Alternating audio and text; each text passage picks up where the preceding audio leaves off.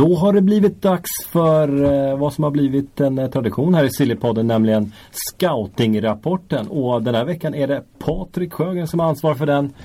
Varsågod Patrik, kör hårt. Tack Kristoffer, du får gärna bryta in här när du Absolut, känner att jag kommer fälla ut lite krokben. problematiskt. Exakt, lägga lite krokben. Ja, men vi ska prata om den här sköna belgaren, Divock Origi. Ja, eh, Mm. som har gjort eh, typ ett inhopp i VM.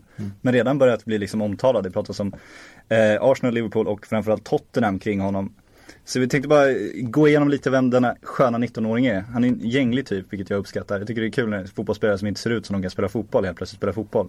Typ Adebayor, en jämförelse som vi kan återkomma till. Man började Genk, eh, gick till Lille redan 2010 som ungdomsproffs. Började faktiskt som defensiv mittfältare i Genk och skolades om. Och det var när han skolades om som han blev riktigt het.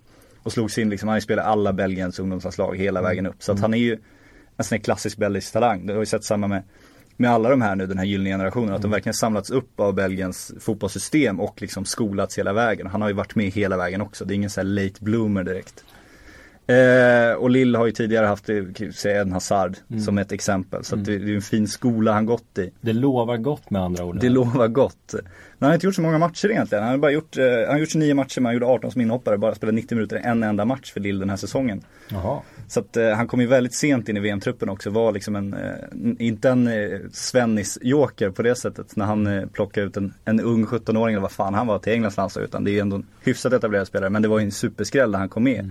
Och det är ju en jätteskräll att han är liksom nästan andrahandsvalet nu. Trots att han var 19 år. Och han blev ju hela VMs yngste målskytt när han hoppade in och gjorde mål. Inte genom tiderna, det är ju Pelé. Men, men i det här mästerskapet. Men eh, han är ju fortfarande ingen målkung, det ska man vara väldigt tydlig med. Nu när vi pratar om anfallare som är unga så gillar man ju att ta dem som gör 20 påsar per säsong. Det kommer han förmodligen aldrig göra. Han var ju defensiv mittfältare tidigare. Han är nästan som bäst när han spelar liksom mot ryggen mot, mål som en target, för han är väldigt fysisk. Eller när han droppar ut på kanten och utmanar sin spelare en mot en. Det är nästan hans bästa egenskap. Väldigt snabb, väldigt teknisk och liksom duktig på just den här och, och eh, göra sin spelare. Eh, han spelar för U19-landslaget redan som 17-åring. Han, eh, om vi tar det här just utmanar kan vi gå in på dem. Han spelar ju en halv halvlek mot Ryssland. Mm. Och han ändå utmanar fyra gånger på den halva halvleken. Kanske inte låter så mycket men när du är ensam anfallare i det systemet, det är sällan du får bollen Alltså du får ju oftast bollen i ett avslutsögonblick då. Det är ju inte så att du är den som bygger upp anfallet på det sättet. Han hade ändå fyra utmaningar vilket är ganska mycket får man säga. Mm. Eh, pappa Mike spelar i Genk. Eh, hans kusin Arnold, jag älskar det namnet överhuvudtaget, spelar Lilleström, är också målvakt i Kenias landslag. Just det. Och när Origi gjorde mål blev han första kenyansk-bördige spelare någonsin i VM-historien att göra ett mål. Lite extra fakta. Ja, tack för det. Och ytterligare lite extra fakta, den här är min favoritfakta. Eh, när han gjorde mål för Ryssland så döpte Brygge Zoo om en delfin till Origi. Ja, passande namn på Ja, eller hur, jag också. gillar det också. Mm. Det är lite mysigt. Men eh, vart han ska, Tottenham har ju det som nämns som hetaste alternativet. Ja, det är så alltså. Jag Det såg någonting så. om Liverpool också. Ja, men nu, nu, har jag kört på Tottenham här. Nej men det är mest prat om Tottenham. Liverpool Arsenal seglar upp nu när han fått göra ett inhopp i VM. Då blir det lite populärt att skriva om honom helt plötsligt. Innan dess har det nästan bara pratats om Tottenham. Kanske också för att han, han liknar ju Adebayor även lite utseendemässigt. Han har lite samma egenskaper.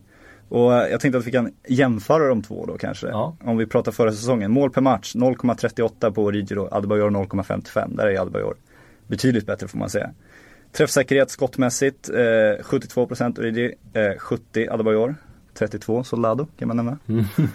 Feta in lite. Luftdueller, där är han bättre. 43% Adebayor bara 32. Och sen kommer vi till de här lyckade utmaningarna, alltså göra sin gubbe. Han har ändå 1,65 lyckade per match, Adebayor har bara en. Och gör du den striken, det är inte så många spelare i världsfotbollen som gör sin gubbe. Det är först då du luckrar upp ett försvar. Det är liksom den, den ultimata egenskapen. Tittar vi på Arjen Robben, det han lyckats med senaste åren är att han, han har fått det här enorma steget helt plötsligt. Vilket gör att han bara kan peta och gå. Gör sin gubbe, öppnar ytor, öppnar för andra. Det kan Origi göra snarare än mål. Han är mer en anfallare som kan möta tidigt, vara en target, droppa ner, hjälpa till, hålla i bollen. Framförallt droppa ut på kanten, skapa läge på det sättet. Så han är väldigt flexibel anfallare. Han kommer aldrig vara den här Pippo Inzaghi som ligger och väntar straffområdet. Men han är väldigt så allround på det sättet. Kan han dessutom då utveckla sitt målgörande så tror jag faktiskt att vi har en, en ny Adebayor. Det, det, jag tycker man märker att han har lite bättre attityd än sin anfallskollega i landslaget och eh, Lukaku. Han är väl inte riktigt lika etablerad, kan ha den där arrogansen riktigt heller. Så att han, han är väl ung och intresserad och han har ju en dunderskräll i, i truppen överhuvudtaget. Att han går in och gör mål är, är också, det är en sensationell framgångssaga så att säga.